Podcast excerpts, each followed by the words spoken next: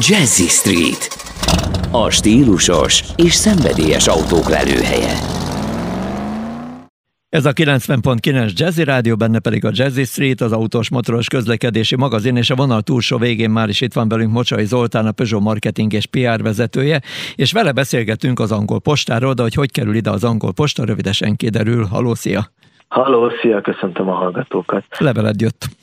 Igen, és ezt a Royal Mail az angol posta hivatal kézbesítette, ami ugye a világ egyik legpatinásabb és talán legnagyobb posta szolgáltatója. Egyébként olyan dolgokról is híres, amire nem túl büszkék, hogy több mint száz évvel később kézbesítettek bizonyos leveleket, de viszont célba értek ezek a levelek. De a viccet félretéve nagyba gondolkodnak ők is azon, hogy hogyan tudnák a gépjármű flottájukat zöldíteni, és hát tulajdonképpen nagyon jó hír, hogy itt a Peugeot-ra esett a a választás. Ők már 2018 óta kísérleteznek elektromos járművekkel. Elsősorban itt a kézbesítés, csomagkihordás tekintetében. Ugye ez a legproblémásabb terület, sok megállóval kell rövid utakat megtenni, sokszor belvárosi vagy akár autóforgalom által elzárt területekre, és ugye tudjuk, hogy például Londonban már elég kiterjedt ilyen kibocsátásmentesített övezetek vannak, ahova csak elektromos autóval lehet behajtani, úgyhogy innen jött az ötlet, hogy praktikus lenne a flottát elektromos autókkal bővíteni. 2018-19-ben indult ez a projekt, még az előző generációs elektromos partnerből vásároltak ők több mint 100 darabot, kísérletképpen vásároltak egyébként más márkától is elektromos autókat, összesen két-háromszáz ilyen autó állt szolgálatban, levonták a tanulságokat, megvizsgálták az üzemeltetési tapasztalatokat, és úgy döntöttek, hogy 2021-től egy nagyobb bővítést terveznek. Itt körülbelül 3000 autóról van szó, és itt döntően a Peugeot elektromos kis terautóinak jut majd a főszerep, elektromos partner, tehát ilyen kisebb méretű kompakt furgonokat, illetve elektromos experteket fognak vásárolni, és ez azért jó hír számunkra Peugeot számára, mert ez bizonyítja, hogy ezek a modellek igenis ütőképesek, strapabíróak, hiszen véletlenül nem véletlenül esett az angol posta, posta szolgálatnak a választása a Peugeot márkára. Hát meg ilyen méretű tesztet gyakorlatilag nagyon kevesen engedhetnek meg maguknak, hogy lefuttassanak, mert itt aztán rengeteg információ fog összegyűlni az autókkal kapcsolatosan, ami a későbbi fejlesztésekre vagy éppenséggel szoftver frissítésekre nézve is jó hatással lehet. Igen, egyébként ennek van egy ilyen hozadéka, és, és azt gondolom, hogy itt szoros együttműködés lesz a gyártóval, hogy amikor egy ilyen 3000-es flotta munkába áll, és ezeket napi szinten nyüstölik a postások, az bizonyára a gyártónak is nagyon hasznos és jól értékelhető információkat nyújt majd ezeknek az autóknak a teljesítményéről, hatótávolságáról, üzemeltetési adatairól. Úgyhogy összességében azt mondanám, hogy egy nagyon jó referencia és egy nagyon jó tapasztalat lesz a Peugeot számára, és ez a brit királyi posta flotta. Akkor a zene után elmegyünk egy kicsit mindenféle más egyéb elektromos alapokon álló modellek irányába. Jazzy Street, a 90.9 Jazzin.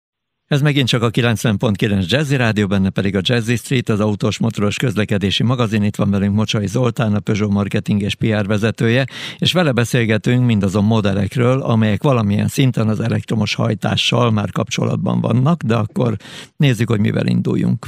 Így van, tulajdonképpen azt kell tudni a Peugeot márka kapcsán, hogy mára, tehát itt 2021 közepére, végére gyakorlatilag az elektromos, vagy mondjuk úgy alternatív hajtású kínálat az teljessé vált.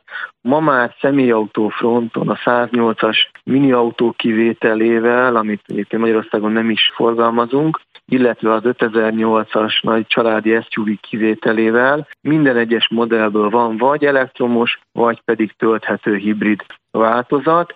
Ezek az autók egyébként elég népszerűek Európában. A 3008-as plug-in hibrid verziója az kategóriájában a plug-in hibrid SUV között a második, harmadik helyen van folyamatosan, de elmondható például az 508-asról is, hogy Nyugat-Európában a tölthető hibrid verzió az már az értékesítéseknek a 30%-át adja. Ugyanez vonatkozik az elektromos modellekre, és nagyon népszerű az elektromos 208-as, a 2008-as pedig kategóriájának a vezetője az elektromos kis SUV tekintetében. Ugye az idei év az inkább a kis teherautókról szólt, ugye először az elektromos boxert mutatták be, az igazsághoz hozzátartozik, hogy ő azért elég kis példányszámba készül, de ami már itt van velünk rendelhető, és mindenhol bevezették az elektromos Expert, illetve a Traveller, ez a középméretű furgon, annak a személyszállító verziója, és évvége fele érkezik, de gyakorlatilag az árlistákon már szerepel az elektromos kisebb kompakt furgonunk, az elektromos partner, és ennek a személyszállító verziója az elektromos Rifter 5 vagy 7 személyes kivitelbe. Szóval tulajdonképpen azt lehet mondani, hogy, hogy jelenleg teljesé vált a paletta, de nyilvánvalóan a fejlesztések, a projektek nem állnak meg, és a következő években is számos érdekességfejlesztés várható. Az előbb beszéltünk már a szoftverfrissítésekről és mindenféle más egyéb olyan dolgokról, amelyek talán nélkülözhetetlenek is az elektromos autók világában, bár nem csak ott, hanem mindenfelé, hiszen manapság ugye a szoftverek nagyon sokban meghatározzák egy autónak a működését, a fogyasztását, és hát a Peugeot különböző modelljeire és az elektromos modellekre is érkeznek a különböző szoftverfejlesztések, és erre talán az egyik legjobb példa az e-expert változat, amire mind a ketten rácsodálkoztunk, hogy annak ellenére, hogy aránylag komolyabb mennyiségű teher teherrel próbáltam tesztet abszolválni, és egészen meglepő fogyasztási adatok jöttek ki. Miután ugye teherautóról van szó, tehát hogyha nagyjából alkalmazkodunk a Kressz előírásaihoz, autópályán 130-nál már egy ilyen homlok felületű autó esetében azért egy aránylag magasabb fogyasztás van, de ez sem fog horrorisztikus méreteket ölteni, tehát 22-24 kW környékén még teherrel is meg lehet állítani, hogyha ilyen 120-130 környékén megyünk autópályán. Ellenben a nagy meglepetés az az ország országút volt, ahol 14,5-15,5 kW körüli fogyasztási adatokkal lehetett az e-experttel közlekedni, ami mondjuk kedvező üzemeltetési költséget jelenthet, tehát érdemes odafigyelni ezekre a dolgokra, és hogy ezek az autók azért fejlődnek, és ezért is érdemes komolyan venni, hogyha mondjuk a szerviztől kapunk egy behívót, hogy esetleg be kéne ugrani egy szoftver frissítésre majd. Igen, ez abszolút így van, tehát vadonatúj technológiáról van szó, ellentétben ugye a belső égésű motorokkal, amelyeket évtizedek óta reszelgetik, fejleszgetik, és ugye ezek a technológiák menet közben is fejlődnek, különös tekintettel a, a szoftveres részre, de azt lehet mondani, hogy, hogy maga a hardware is fejlődik, tehát rengeteg olyan dolgot jelentett be a Peugeot, illetve a Stellantis cégcsoport az elmúlt hetekben, hónapokban, ami előrevetíti a jövőt. Például azt, hogy a jelenlegi elektromos palettának az akkumulátor kapacitása meg lesz majd a modell frissítésekkor növelve, tehát a jelenlegi 320-340 kilométeres hatótávolság elektromos autóknál 400 km körülire fog bővülni, a plug-in hibrid változatoknak a jelenlegi 50 km körüli elektromos hatótávolságát 80 kilométerre fogják növelni, és ez nagyban javítja ezeknek az autóknak a felhasználhatóságát, illetve a megtérülését is, hiszen többet tudunk majd elektromos módba autózni, és hát nagyon impozáns hosszú távú projektek vannak, így gyakorlatilag négy-öt teljesen új padlólemezről beszélnek, amelyeket kifejezetten az elektromos hajtásra optimalizálnak. Ezek közül hármat egész biztosan meg fog kapni a Peugeot is.